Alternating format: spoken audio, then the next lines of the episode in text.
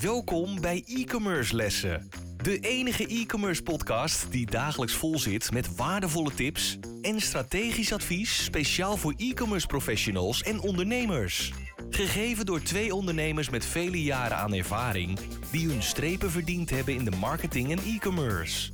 Laten we beginnen met het verhogen van jouw e-commerce kennis.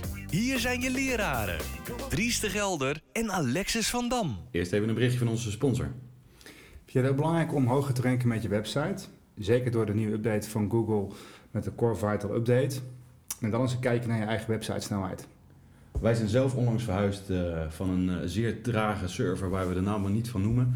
Maar uh, inmiddels zijn we overgestapt naar Managed WP Hosting en uh, ja, we zijn van een snelheid van 10 seconden naar onder de seconde gegaan. Dus dat is een, echt een wereld van verschil. En we zien er gelijk de resultaten in Google verschijnen. Het scheelt een hoop, hè, want je krijgt gewoon meer bezoekers. En uiteindelijk uh, niemand wil wachten op een langzame website. Dus kijk eens even naar deze website en doe er je voordeel mee. ManagedWPHosting.nl En ze hebben ook nog eens een keer een fantastische service. Les 147. Ik ben Dries de Gilder. En ik ben Alexis van Dam. Blockchain en e-commerce.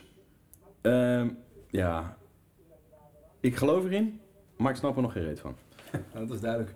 Uh, nou ja, kijk, blockchain is natuurlijk uh, iets wat uh, al eventjes in, in wording is en belangrijker wordt. nou, ik denk dat de meeste van jullie wel blockchain kennen als, als verschijningsvorm in de vorm van, laten we zeggen, de cryptocurrencies, zoals de bitcoins, ethereums en zo verder.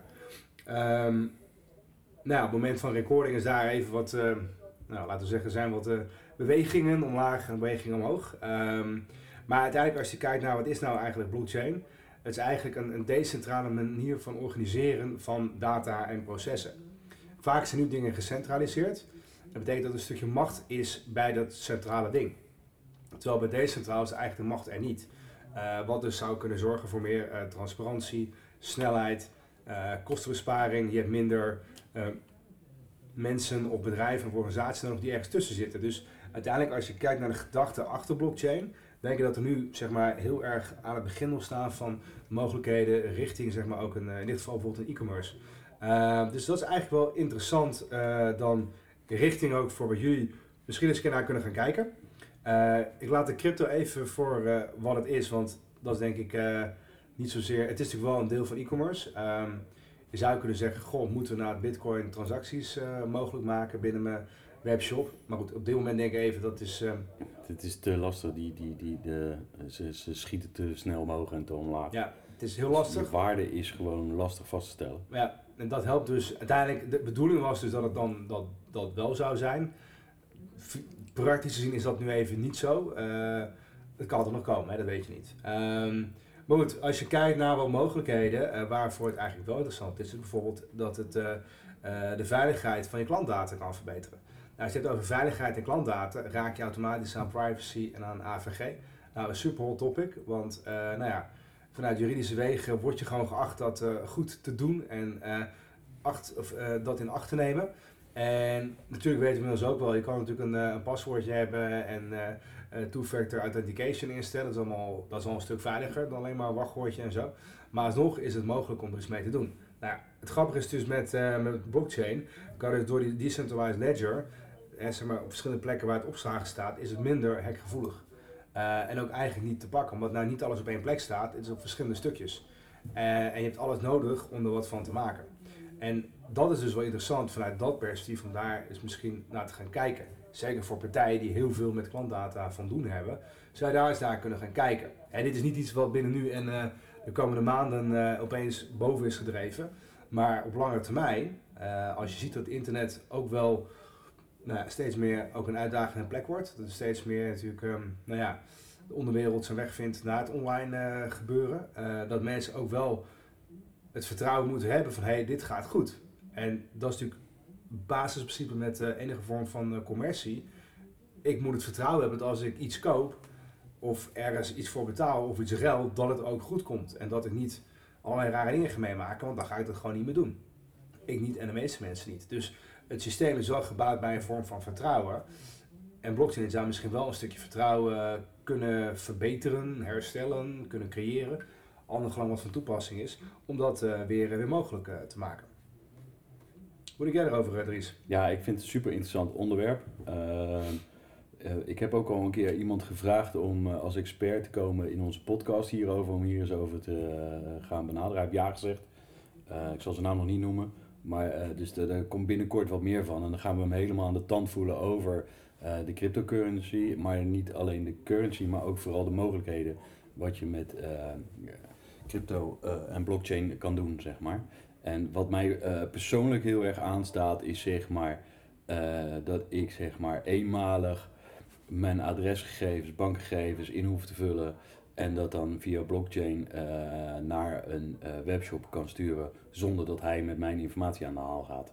En dat die bestelling gewoon daarna bij een PostNL, eh weet je, die, dat stukje van dat blok meegeeft tot aan bij de chauffeur. En dan komt daar pas uit nou, voor welk adres het is, bij wijze van spreken. Ja, Daar geloof ik in. En dan hebben we die AVG helemaal gedekt. En dan heb je, kan je echt in alle privacy kan je gewoon bestellingen plaatsen.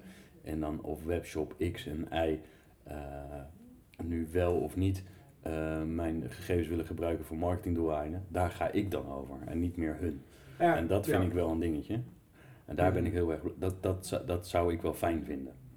En dat is denk ik wel iets een beetje dat door, eh, als je kijkt door social media, door wat eigenlijk, even misschien een klein zijpaadje, maar als je gaat kijken naar hoe natuurlijk de grote social media platformen eigenlijk kunnen opereren, is omdat eigenlijk jouw data is, is, is het, eh, de currency geworden. Doordat jij data geeft, data maakt, content creëert, kunnen zij wat, kunnen zij weer op adverteren. Dus feitelijk zijn jouw gegevens een vorm van, van currency geworden. En als dat niet zou hoeven, omdat het zeg maar afgeschermd kan worden, waar niemand dan bij kan, is ook misschien een veel eh, eerlijkere manier van, van weer business kunnen doen. Dat je ook weer gaat over je eigen gegevens. Want nu in feite, ja, als jij een beetje vervent social media gebruiker bent, of ook al ben je niet vervent social media gebruiker, maar als jij het gebruikt, eh, dan is in feite jouw data een deel van de handel geworden. En dat is waar mensen denk ik steeds, als ik ook mensen erover praat, worden ze wel steeds bewuster van, ook door alle documentaires, van hé, hey, ja, daar zijn we wel een beetje ingerold. Maar willen we dat ook nog de komende zoveel tijd? Of moet er toch iets gaan veranderen? En in een blockchain daar ook de technologie voor kan geven om dat wat strakker te regelen. En bijvoorbeeld een ander ding dat ook interessant is, kan het bijvoorbeeld ook bijdragen aan het eh, verminderen van uh, shippingkosten. Omdat je veel beter inzicht hebt in ehm, waar dingen zijn, real-time tracking en dat soort zaken. Er is minder heen en weer gaan van data. Het is op één plek beschikbaar. En daardoor zorg je ook voor minder foutjes. En kan het ook allemaal wat sneller en wat voordeliger gebeuren. Dus behalve dat het eh, het veiliger maakt, kan het ook meer de optimalisatie ook een stukje verbeteren.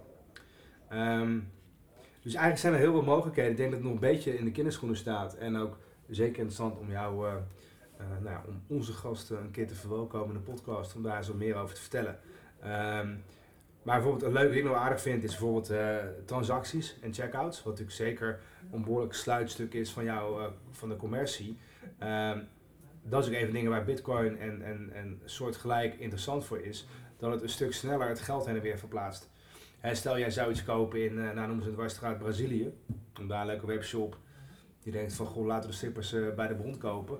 Hartstikke leuk, maar voordat jouw euro's van Nederland zijn overgemaakt naar Brazilië, gaat er wel tijd overheen. Voordat het geld fysiek verhuisd is van Nederland naar Brazilië. Ehm, natuurlijk kan het via creditcardmaatschappij, maar dat is in feite ook al een wat ouder systeem vergeleken met de nieuwere technologie. Dus daarin zou bijvoorbeeld eh, vanuit de technologiekant best wel dingen een stuk sneller kunnen gaan. Want hoe sneller dat gaat, hoe sneller de orde door is, hoe sneller kan worden uitgeleverd. Dus eh, ik denk dat er best wel een aantal eh, interessante mogelijkheden zijn, ook vanuit e-commerce gedachte, ehm, wat je zou kunnen, kunnen inzetten. Ja, en ik denk ook eh, niet alleen voor eh, verkoop, maar ik bedoel ook misschien met eh, inkoop kan je natuurlijk ook heel mooi gebruiken. Hè? Dus dat je blockchain technologie gaat gebruiken om je inkoop eh, te, te organiseren samen met fabrikanten. Dat ze gewoon alles van je weten, eh, behalve wat ze moeten weten. Of tenminste, dat ze juist weten wat ze moeten weten en niet meer die overgebodige informatie. Zoals jouw eh, factuurgegevens en dat soort zaken, of persoonlijke gegevens. Dat is allemaal overbodig dadelijk. Ja. Maar ja, dat is, eh, voor mij is nog wel een beetje ver van mijn bedshow. Eh hoewel, ehm, eh, ik snap het wel, maar ik begrijp het niet. Het is een beetje nog mijn dingetje. Maar het wordt me wel steeds duidelijker. Nou, je kan het een beetje vergelijken met de elektrische auto. In het begin begreep ik het ook niet helemaal. Uiteindelijk is het toch, maar ja goed, hè, we snappen wel auto rijden elektrisch, allemaal leuk en aardig. Maar toen dacht men ook van, nou, dat, dat zal wel een tijdje duren. Maar als je toch kijkt door de opkomst, eh, Hoe snel het gegaan is. hoe snel het gegaan is, het is Ja. behoorlijk snel. Ik bedoel, ze hadden mijn mobiele telefoon en heel veel andere zaken. Het gaat toch behoorlijk snel. Ehm, alleen er moet even een, een soort van beginnend iets zijn wat dan werkt. En mensen denken, ja, dat is tof, dat moeten we gaan implementeren. Want met zoveel dingen die wij behandelen in deze podcast, dat ik net even weet van, goh, net even iets eerder dan anderen weet van, hé, hey, je moet er nu op gaan voorsorteren en iets op gaan doen. Dit is nog eentje van, eh, denk erover na en ga eens kijken wat zou kunnen. En op lange termijn gaat het zeker een, een rol spelen, denk ik. Zeker. Ik uh, hou het nou net het in de gaten. Ik ook. Tot de volgende. Wij waarderen het enorm dat je weer naar een e-commerce les hebt geluisterd. Ga naar e-commercelessen.com voor nog meer interessante content over deze les en schrijf je in voor onze nieuwsbrief voor nog meer succes. Vergeet absoluut geen review te schrijven en je te abonneren op onze lessen. Einde les. E-commerce studenten, jullie kunnen de klas verlaten en vergeet de volgende lessen niet voor nog meer geweldige e-commerce resultaten.